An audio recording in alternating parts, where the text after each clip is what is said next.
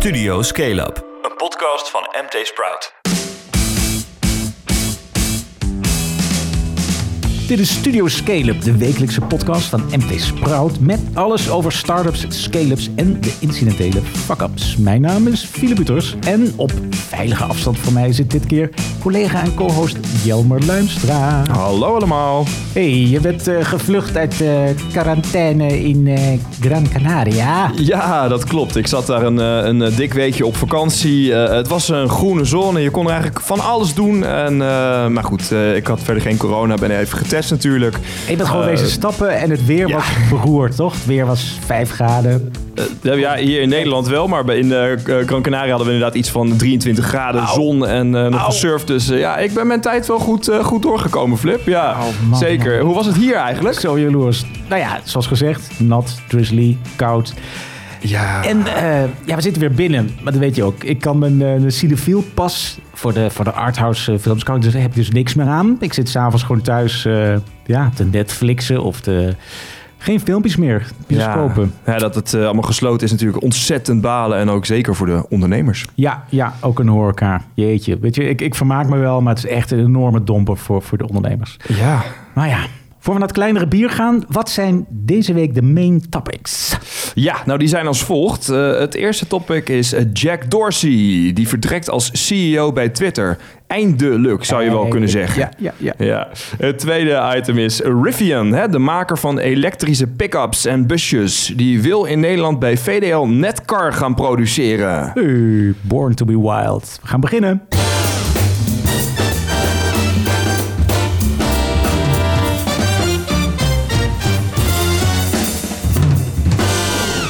Maar eerst even in sneltreinvaart het nieuws voor startups en scale-ups. Camille van Gestel, oprichter van zonnelampjesbedrijf Wakka Wakka... maar natuurlijk bekender als partner in de mondkapjescrime van Siebertje van Linde... Ja. ja, die wordt dus keihard gedumpt door Wakka Wakka. Dat zegt alle banden te hebben verbroken met zijn oprichter... want de ophef staat de toekomst van het bedrijf in de weg blijkbaar een hele breekbare toekomst. nou ja, Van Gessel die hield 5,4 miljoen over aan de mondkapjesdeal. Dus die, uh, ja, ach, die kan het wel even uitzingen, toch? Ja, ja maar zouden ze ooit nog een beetje een, uh, dat soort lui... een beetje een normale ondernemerscarrière kunnen krijgen? Een ja, schandaal? Weet je, dit is gewoon inderdaad stilzitten als je wordt geschoren. En, en wat ik zei, ze kunnen die periode al even overbruggen. Ik denk over twee jaar... Weet je, en als ze gewoon goede nieuwe bedrijven opzetten. Ja. Bert Damme geldt het ook voor. Dan uh, even goede vrienden, toch? Ja, precies. Nou, we gaan het zien inderdaad. Dan uh, Elizabeth Holmes, over groot bier gesproken. Ja, qua fraude. Ja. ja die, die, heeft weer iets opmerkelijks geroepen in de fraudezaak rond haar bloedtestbedrijf Terranos. Um, Ramesh Bulwani, zo heet hij, haar voormalige bedpartner en COO, die zou haar seksueel hebben misbruikt, zegt zij althans. Uh, Bulwani ontkent. Hij staat volgend jaar terecht in de Terranos fraudezaak ja, ik, ik vind dat er zelf nogal een wat ingewikkelde zaak. Hè? Ik, ik heb eigenlijk na zo'n lange tijd niet echt meer een idee wie ik nou precies moet geloven. Hoe, hoe sta jij daarin, Flip? Ja. Ja, over dit soort, over seksueel misbruik, dan mag je, ja, dan mag je nooit een, een uit buitenstaander als buitenstaander een oordeel over hebben. Hè? Maar ja, wat wel is, de strategie van de advocaten was van het begin af aan van zoveel mogelijk schuld in de schoenen van die Boulwani schuiven. Ja, dat dus bedoel ik, ja, ja. Het beeld dat zij willen schetsen is dat zij een soort marionet was in, in zijn handen. En ja. Het kan. Oké. We houden het in de zou gaten. Kunnen, ja, ja. Nou ja, uh, ik ben geen rechter, gelukkig. Nee, Jeetje. Dan de koers van cryptomunt Omicron. hey, Omicron. Ja. ja. Maar die deelt alleen zijn naam met de nieuwe corona-variant. die ging natuurlijk door het dak uh, afgelopen vrijdag. Toen het nieuws om die, over die Omicron-variant bekend werd, ging die bijna tien keer over de kop. Zo. 630 euro was hij waard. Ja, natuurlijk komt het allemaal ook weer uh, neer, wat allemaal opkomt. Hij staat nu op 425 euro. Oké. Okay. Nou, Omicron. Nou, merkwaardige naam inderdaad. Uh, ook nog een leuke. Uh, bierbrouwer Swinkels. Die gaat duurzame gerst kweken met uh, zeewierextract van de Seedweed Company. En dat is de scale-up van Joost Wouters Edwin Snekers en Stefan Kraan. Hun spul vervangt kunstmest en heeft nogal wat voordelen. Zo zorgt het ervoor dat de bodem meer CO2 opneemt. U, red de wereld, drink meer Bavaria. en dan uh, gisteren de nieuwe Forbes 30 under 30 lijst. Die, uh, die is ook weer uit en die staat bol van de jonge supertalenten. Wij natuurlijk meteen zoeken naar uh, Nederlandse ondernemers. Ja, die zijn er. De oprichters van Woodwatch, Die doet in horloges met de houten wijzerplaat. Ja. Toevallig stonden die onlangs nog in de Challenger 50. En eh, Bas Buursma en Yves van Hoornen van Code Sandbox. Dat, eh, dat zijn ook goede bekenden van ons. Die waren ooit start van het jaar. Die stonden ook in de Challenger 50. Ja, Forbes weet wel welke lijstjes ze moeten raadplegen. En dan kwamen we ook nog Sjoerd Bos tegen. Die met de Water Company in watertechnologie investeert. En Jasper Spiegler en Andrea Andrejevic van OMRT. Die doen in 3D design software. Nou, die gaan we goed in de gaten houden. Aardig wat namen. Ja. En is er nog geld opgehaald? Ja, ja, zeker. Even kort, eh, want je leest meer op eh, MT Sprout. Eh, de eerste is Table Vibe. Dat bedrijf heeft 1,5 miljoen dollar opgehaald in een ronde die werd geleid door Global Founders Capital. De start-up van Jeroen Rutten en Mathieu Sneep die zorgt ervoor dat horeca-ondernemers met QR-codes feedback en mailadressen kunnen verzamelen. Dat maakt ze minder afhankelijk van bezorgapps. En dan wijnboer Dirk Neleman. Best lekker. Ik had laatst een flesje bij de, bij de, bij de HEMA gehaald. Neleman. Ah. Die, eh, die doet aan, eh, aan sharefunding. Hè? Die heeft alweer 5 miljoen euro binnen via investeerdersplatform iVestor.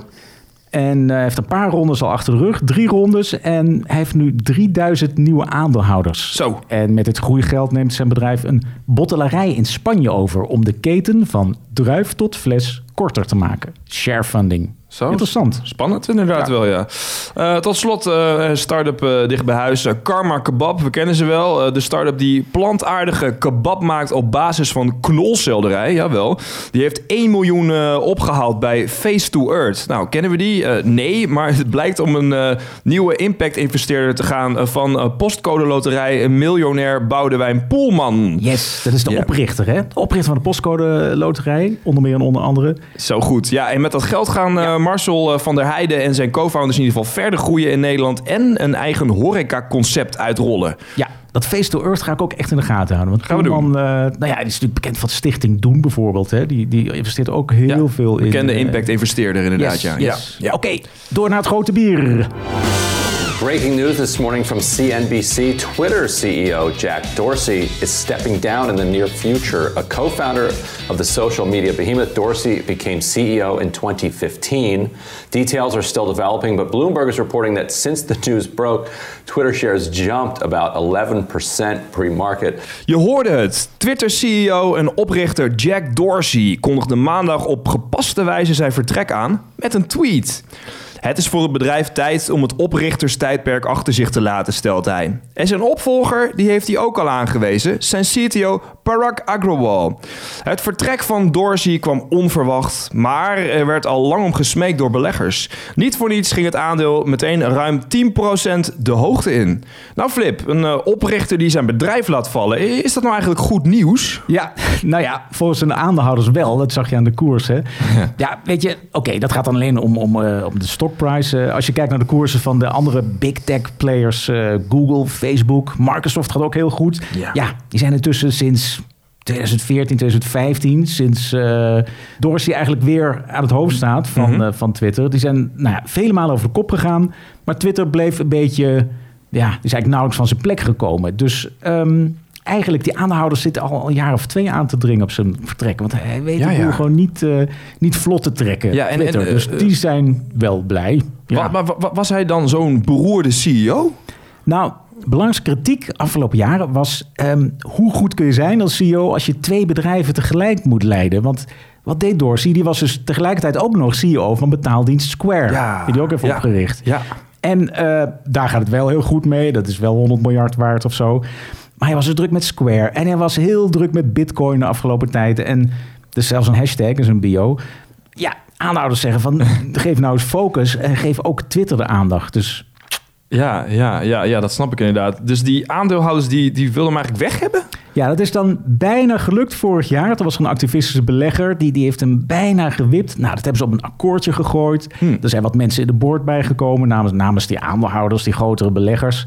Ehm, en Dorsey belooft ook beterschap. In die tijd wilde hij zelfs naar Afrika verhuizen. Dus niet alleen part-time CEO, maar ook nog echt op enorme afstand eh, de boel leiden. Nee, oké, Afrika weet het niet. Maar ja, weet je, eh, ook als hij fulltime zich aan Twitter had kunnen committeren, dan nog. Het was een beetje een duiventil. Hij had niet een sterk team. En ehm, er was altijd wel iets te doen. En natuurlijk, social media bedrijven runnen is ook lastig. Want er komt zoveel kritiek over je heen. Eh, je moet de boel ook een beetje eh, modereren. Nou, het hoogtepunt was natuurlijk Donald Trump, of het dieptepunt, die echt eerst werd gecensureerd en uiteindelijk helemaal werd geblokt. Het is een lastig bedrijf om, om, om te runnen. Ja, dat was een van de bekendere Twitteraars, zullen we maar zeggen. Ehm, en hoe zit het eigenlijk uh, omzet-wise met Twitter? Want volgens mij heeft het bedrijf nooit echt mega omzetten eh, gehaald, nee, toch? Nee, ik heb het vanochtend nog even opgezocht. Ze hebben dus 300 miljoen maandelijkse gebruikers en hebben ze een omzet van 4 miljard. Nou, dat is dus echt gewoon helemaal niks. Ja. Weet je, dus het, het monetizen van die enorme aandacht en dat verkeer, dat is nooit echt gelukt. Maar aan de andere kant, ja, voor gebruikers is het wel een zegen geweest. Want je, je wordt dus niet lastiggevallen door allerlei commercie en, en andere shit. Dus het is voor een deel ook ja, de persoon van, van Jack Dorsey misschien... die dat monetizen niet te veel aandacht gaf... omdat hij gewoon ja, ook echt eh, als verantwoorde ondernemer volgens mij... dat dat platform heeft, eh, heeft willen runnen. Ja, maar goed, die is nu dus weg. Eh, is dit dan voor Twitter het moment om, laten we zeggen, echt te shinen? Ja, precies. Dat je ineens enorme commercie en... nou, nee. Weet je, die, eh, ook die Agroballs, een opvolger, dat is wel iemand die hoort bij, eh, die past even op de tent. Maar de bedoeling is volgens mij toch echt dat Twitter gewoon wordt verkocht. Eh, Ja. Er is ook al heel veel aandacht voor geweest.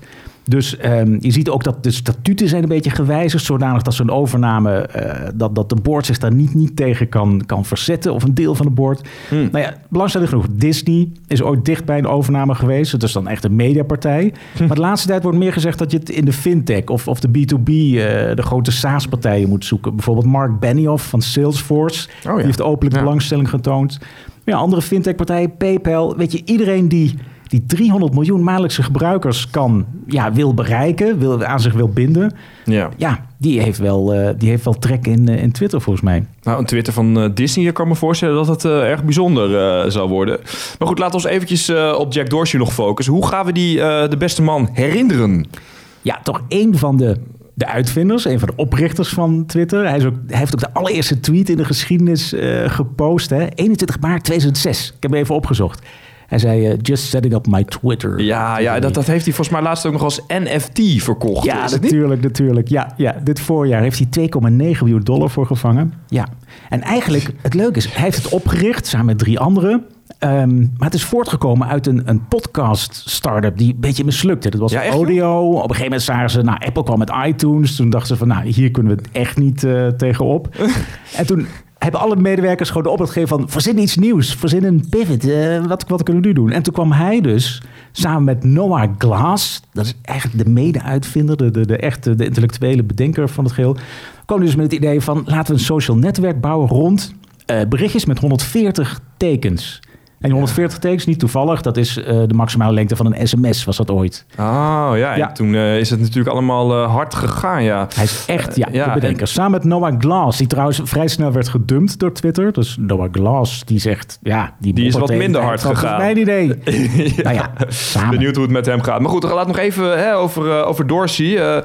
Toch een beetje de godfather van Twitter natuurlijk. Ik ben ook wel benieuwd, eh, hoe is hij nou echt als Ja. persoon zelf? Hè? Ja hij, is, ja, hij is best een bond figuur. Ik bedoel, Ja. zelfs voor Silicon Valley begrippen... Oké. Daar lopen wel meer rare snuiters rond. Nou, hij is 45. Zijn baard is altijd een ding. Die wordt steeds langer. Hij lijkt nu een soort, ja, ZZ Top voor je tijd, Jelmer. ja, maar ja, echt ja, ja, ja. Een soort, ja, je hebt het wel eens over CEO Rockstars. hè. Deze ziet er, ziet er vooral uit als een, eh, als een, als een hardrocker. Hij heeft rare diëten. Hij eet vijf maaltijden per week. Dus gewoon Absurd. Maaltijd per werkdag. En dit weekend slaat hij het gewoon lekker over. Nou, dat, heeft hij een tijdje volgehouden. Ik weet niet of hij nog... Hij heeft een neusring. Ook eh, Talk of the Town. ja. En, eh, en, en nou ja, dus die lifehacking dingen. En verder, volgens mij is best straight. Dus hij is inderdaad niet... ehm, ja, de boel Uber aan het, aan het monetizen. Hè? Eh, hij, is ook, hij blijft ook echt... Ja, wat, nou ja, hij is misschien ook eigenwijs. Maar er wordt al jaren aangedrongen op de mogelijkheid... om zo'n tweet aan te passen, te, te, te editen. Nee, gebeurt niet. Zolang hij daar de scepter zwaaide... En eh, ook voor adverteerders, ja, zoals gezegd, dat monetizen. Nou, het is misschien slecht nieuws voor beleggers, maar ik denk dat het ook van hem komt. Van jongens, eh, laten we vooral zorgen dat, dat we een, een mooie social medium eh, in de lucht houden. Ja. En Ja. heel gaaf, Ja. laatste ding, daar heeft hij mijn hart mee gestolen. Toen corona net uitbrak, heeft hij een miljard dollar aan aandelen Square weggegeven als noodhulp. Maar het mooiste was, je kon in een Google Sheetje, kun je vandaag nog doen, bijhouden waar het naartoe ging. Dus hij hield gewoon bij in een sheetje, zijn organisatie, En eh dan kon je zien, ja, die kreeg 100 miljoen, die kregen... Nou ja, die aandelen zijn inmiddels al 3,5 miljard waard. En, lo and behold, hij heeft pas 400 miljoen weggegeven. Dus er staat gewoon nog ruim 3 miljard in het sheetje... Ja, voor noodhulp echt, voor corona Ja, dat, is, noodhulp. dat, dat is wel goed. Waar ging het zo Ja. al naartoe eh, bijvoorbeeld? Eh, Oh ja, echt naar, eh, naar, naar scholen. Veel in Amerika hoor. Ja, ja, ja. Scholen en echt hulpgoederen of zo. Dat was echt Ja. noodhulp uit het begin van, jeetje, maart 2020. Siebert, maar dan goed, zeg maar. Ja. Echt hè, ja. Ja. Siebert de andere kant op. Ja, man, man, man. Hey, even tot slot, wat, eh, wat eh, Dorsey nu weg bij Twitter dus als CEO. Wat, wat, wat, is hij van plan? Wat gaat hij doen? Hè? Dat willen we nog even weten. Ja, nou misschien, ja, dat zal het beste nieuws zijn. Dat hij gewoon nu fulltime dedicated zich op Square eh, stort. En dan zie je ook hoe geobsedeerd hij is door blockchain. Want toevallig vandaag maakte Square bekend dat het zijn naam wijzigt in Block. Oké. Ah, dus- Block. Ja, dus Facebook wordt Meta, maar Square wordt Block. Ah, ja, die willen dus echt, eh, de blockchain gaan veroveren. Hij is een fanaat. Ongelooflijk. Met een baard. it's exciting. Uh, to be honest, it was it was emotional, it was moving. Um, We we we did uh, the bell ringing at the plant, and standing there looking out at the full team. You know, hundreds of team members uh, cheering, smiling faces, tears. Uh, you know, was moving. It feels it feels incredible, and I think what's most exciting is is the path ahead, and and really how the team's so excited about what we can do to really accelerate and to continue to drive impact with the products we're building. Je hoorde RJ Scaringe, ja, de oprichter van Rivian, die tegen CNN vertelt hoe emotioneel het was om zijn maker van elektrische auto's naar de beurs te brengen. Dat was ook een klapper. Is elke week wel nieuws rond Rivian. Deze week werd bekend dat het zijn oog heeft laten vallen op VDL Netcar, de Limburgse autofabriek van de familie van der Leegte. En misschien gaat die Rivian de pick-ups en de busjes bouwen voor de Europese markt. Maar een complete overname van VDL Netcar valt ook niet uit te sluiten. Dat schrijft tenminste het dagblad De Limburger. Hmm, jammer. De familie van der Leegte, die, eh, van der Leegte, die verkoopt VDL Netcar aan een Amerikaanse start-up. Ja, nou ja, goed. Dat is, eh, als ik het goed heb begrepen, uit de Limburg in ieder geval een van de scenario's. Ehm, volgens, eh, volgens dat dagblad zijn ze in ieder geval in gesprek over een samenwerking. Hè? En het nieuws wat er nu net uit is, is dat een stevige delegatie van VDL eh, begin deze maand nog op bezoek gaat bij Rivian in, in die fabriek in Amerika. Dat is dan in Illinois. Ja. En ja, die R- RJ Scaringe, hè, de oprichter, die zou ja, ook eventueel geïnteresseerd zijn in een volledige overname van de autofabriek. Eh, en dan haal ik even een woordvoerder van VDL aan. Die zegt tegen die krant: Als het om de toekomst van VDL Netcar en het behoud van werkgelegenheid gaat, dan sluiten wij geen enkel scenario uit. Maar goed, dat is dan enkel scenario 1, hè? Ja, Eh, we hebben we zijn nog- wanhopig. ja, ja, precies. Maar we hebben ook nog een tweede scenario. Eh, het zou mogelijk ook misschien alleen gaan om het produceren van nieuwe trucks bij Ja. VDL in Limburg. Ja. Eh, nou ja, is daar dan iets over bekend? Ja, beide partijen die geven geen commentaar. Maar het ministerie van Economische Zaken en Klimaat... dat, eh, dat geeft dus wel aan in gesprek te zijn met Rivian... over in ieder geval een productielocatie in, in Nederland. Dus Ja. eh, dat is het nieuws eigenlijk. Ja. Het zou op veel plekken kunnen gebeuren. Maar bij VDL, ehm, zit VDL er echt op te wachten? Is het, is het belangrijk voor Netcar? Ja, nou goed, eh, het bedrijf heeft wel even wat moeilijke jaren achter de rug. Vorig jaar kreeg het een, eh, toch wel een klap te verwerken. BMW, hè, de grote autoproducent, die wil er toch vanaf 2023 stoppen met de productie van eh dienst eh, auto's. Dat zijn minis, ja. Ja, ja, zeker. dat dat is jammer. erg jammer. Ja, VDL zelf heeft ook een paar verlieslaten de jaren achter de rug. Eh, tijdens corona moest het ook meermaals de productie stilleggen eh, vanwege het tekort aan ja, halfgeleiders, hè, een chiptekort. Ja. Ehm, het zou inmiddels wel weer wat beter gaan qua omzet eh, met eh, eh, zowel VDL als eh, dochterbedrijf VDL Netcar. Maar de omzet is volgens mij nog niet helemaal op pre-corona niveau. Dus wat ga je dan doen? Dan ga je investeren in principe. Ehm, ja, die BMW fabriekshal die er nu is, dat, het bedrijf zou dat dan willen ombouwen. eh, Begrijp ik in ieder geval uit eh, de berichtgeving van de Limburger. Zodat eh Rivian daar in 2025 terecht kan. De hal die moet in de tussentijd nog worden omgebouwd. Het Ja, vind ik wel een beetje laat, want Rivian wil volgens mij volgend jaar al de Europese markt op. Maar hoe ze dat precies willen gaan doen, dat... Ja, precies. Ja. Maar het ombouwen zijn ze goed in, hè? Want ze hebben natuurlijk al Mitsubishi's en Volvo's gebouwd. En ja, eh, ja. Ja, dus dat, dat zou op zich goed nieuws zijn, want, want die boel eh, moet blijven draaien. Maar ja, tot nu toe bouwen ze daar natuurlijk conventionele auto's. Dus kunnen ze zomaar overschakelen op, op EV's? Ja, nou dat is eh, inderdaad eh, maar de vraag. Zo eh, technisch, dat moeten ze zelf maar eens goed maar gaan bekijken. Dus wat dat betreft ook handig dat ze denk ik naar Amerika gaan. Maar je kan wel zeggen dat ze zich steeds meer op elektrische auto's richten. Ze gaan ook mee met hun tijd in Limburg. Maar er zijn wat opstartproblemen met die EV's. Eh, Lightyear, hè, de bekende Brabantse producent, die ging niet naar VDL toe, maar naar een Finse producent. Ja, van Nou, met denk ik. Ja. Dachten ze eh, lange tijd dat ze een deal hadden met eh, een Amerikaanse start-up. Dat bedrijf heet dan Canoe. Die zou dus 16.000 elektrische auto's eh, ja, in Limburg laten produceren. Maar dat project dat staat nu ook op losse schroeven. Hè. Die eerder genoemde leveringsproblemen met de halfgeleiders... die zouden een oorzaak zijn. En het bedrijf uit Amerika ja, wil misschien nu ook liever een eigen fabriek. Dus er zijn zo wat, wat problemen Ja, daar. dus je hebt, je hebt verschillende. Ja, het is contract manufacturing, dus in opdracht produceren. En zij proberen dan deals te sluiten. Ja, en die zijn Ja. onzeker. Ook bij Canoe. Ja, dat is ook zo'n scale-up, eh, Amerikaanse scale-up. Ja, je Ja. weet ook niet hoe, hoe het loopt. Ook hoe die markt zich ontwikkelt, hè? Nee, dat is eh, allemaal onzeker Maar ja. Rivian is dus op zoek in Nederland. Dus, dus wat zoeken ze nou precies? Dus ze willen Ja, ja. een Europese, eh, hoe heet dat? Eh, hoofdkantoor in ieder geval. Een soort ja, eh, dat hadden we landen in Europa. laatst in de podcast inderdaad ook. Dat, Ja. dat, dat, dat nieuws. Maar goed, ze willen vanaf 2022 wel eens in ieder geval elektrische auto's op de Europese markt gaan verkopen. Dus. En ze zoeken daarvoor een productielocatie. Dat is nu een beetje het, het, ja, het, net als het nieuws Tesla wat steeds eigenlijk. hè? is. Tesla die zat in, in Ja, net als Tesla. Ja, daar, Auto's in elkaar schroeven. Zal ik het zo nog wel even ook wat nader over hebben, inderdaad. Maar goed, als je dus inderdaad hier zit, dan voorkom je ook importheffingen. Dat hoef je niet allemaal te verschepen vanuit ander deel van de wereld. Eh, maar Nederland is niet het enige land dat eh, in de race zit. Eh, want ook Duitsland en het Verenigd Koninkrijk die zouden meedingen om de productielocatie van Rivian. En ja, Boris Johnson in, in het VK die zou wel eh, hebben aangeboden om de fabriek op een bedrijventerrein in Bristol te laten bouwen. En zelfs als overheid mee te investeren. En ja, dat is dus een beetje de vraag of Nederland ook bere- bereid is om de portemonnee te trekken. En tot dusver heb ik dat nog niet kunnen Ja, dat, achterhalen. dat wordt tegen elkaar opbieden natuurlijk. Want Ja. Duitsland heeft ook een Tesla-fabriek. Ja, Net dat wel, geloof ik. in, ja, Dat- was ook armtje druk de hele tijd. Of, of ze genoeg eh, te bieden hadden. Ja, ja, Ja. Jeetje. En Engeland is natuurlijk ook echt een autoland. ontzettend. Nou ja, nee, ik hoop dat het gaat lukken. Ja. En ehm, als dat lukt, als de Van der Leegtes gaan produceren, dan, ehm, dan gaan we de vlag uithangen, toch? Ja, dat op zich wel, maar met enig voorbehoud ook wel. Eh, want ja, zeg maar, als zou eh, Rivian hier een productiefaciliteit openen, Ja. dan is het nog maar de vraag of ze echt de slag definitief ook echt hebben gewonnen. Want ik denk dat toch weer, wat je net ook al zei met Tesla, daar kijk ik dan weer even naar terug. Eh, die opende aanvankelijk eh, voor het eerst in eh, Europa een productielocatie in Tilburg was dat.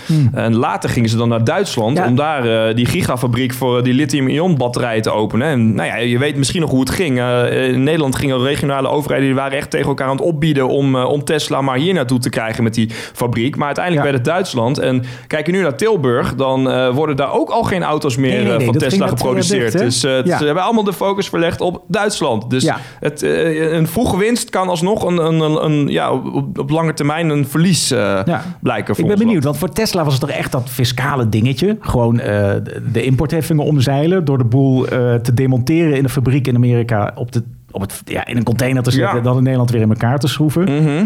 Maar eh Rivian is zo'n nieuwe producent dat die toch wel echt productie, dus niet assemblage, eh, maar ik neem aan toch echt wil gaan produceren. Dus dat is dan voor langere termijn. Dan zo'n Tesla die dingen in elkaar schroeft. En, en ja, na twee jaar vinden ze een andere manier om, om het fiscaal vriendelijk te importeren, blijkbaar. Dat hoop ik, dat zo'n Rivian dan wel dat langer blijft. En, ehm, en ze hebben Ja, best ja. diepe zakken, volgens mij, toch, Rivian? Ja, eh, dat, eh, dat is natuurlijk wel het geval. Hè? We herinneren ons nog allemaal eh, de beursgang van afgelopen maand van Rivian. Nou ja, ze gingen in New York toen naar de beurs en het bedrijf haalde liefst eh, 11,9 miljard dollar op. Ja, dat is natuurlijk niet niks. Daar kun je Yes. wel eigenlijk wat van doen. En nou ja, tel je daar de eerdere investeringen mee op. Ik weet nog on- onder andere dat Amazon die investeerde al eerder 21 miljard dollar Ja. zelfs in het bedrijf. Ja, maar nou, dan die, moeten ze is, dan... eh, eh, die is klant voor die, die gaan ja, 100.000 eh, 100.000 busjes, hè? Ja, ja, ja. Dat, dat, dat is dan de bedoeling dat die uiteindelijk 100.000 busjes van, eh, van Rivian gaan afnemen. Ja. Eh, nou, kijk je naar de, de waardering van, van Rivian zelf. Het bedrijf is inmiddels zo'n eh, 100 miljard dollar waard. Eh, dat was zelfs even iets meer. Eh, op de beurs was het bedrijf zelfs eventjes 140 miljoen eh, dollar waard. En daarmee was het zelfs even het derde... eh, ja, zeg miljoen, Het miljard. miljard. Het was het derde, bedrijf, eh, derde, derde autobedrijf op de wereld. Ja, dat was, eh, dat was eh, vrij, vrij idioot. Want eh, het bedrijf maakt eigenlijk nog, eh, nog amper omzet. Ja, het is, het is Eh, tien keer... eh, Tesla is nog steeds tien keer zoveel waard. Tesla is tien keer 1100 zoveel waard. Ja, ja. Maar, goed, eh, voor een bedrijf dat eigenlijk nog helemaal geen grote, op een grote schalige manier auto's produceert, is het toch wel aardig wat om 100 miljard waard te zijn. Dus Ja, het wordt denk ik voor het bedrijf nogal een uitdaging om de verwachtingen waar te maken. Maar Ja. het is misschien met VDL. Ja, Ja. Ik, weet het nog, ik weet het nog van vorige week. Ze hadden 156 auto's hebben ze al geleverd. Nou ja, als nou de volgende 300.000 bij VDL Netcar worden gemaakt... ja, dat zou ontzettend gaaf zijn. Ja, nou dan, ja, eh, we, duimen, we duimen Willem van der Leegte en familie en alle collega's. Nou ja. Dit was Studio Scale-up aflevering 33. Vergeet je niet te abonneren op Spotify of je favoriete podcast-app. Deel de podcast ook vooral met je vrienden, kennissen en kom met feedback of vragen. philip.mtsprout.nl Jelmer, fijn dat je er was. Famous last words. Ja, nou, ik zou zeggen op dat Nederland, eh, net als eh, Gran Canaria waar ik was, maar snel een groene zone mag worden. Ook voor al die ondernemers. Ja, met minimaal 23 graden en alles open. Lekker stappen. Bedankt we voor het doen. luisteren en tot de volgende aflevering.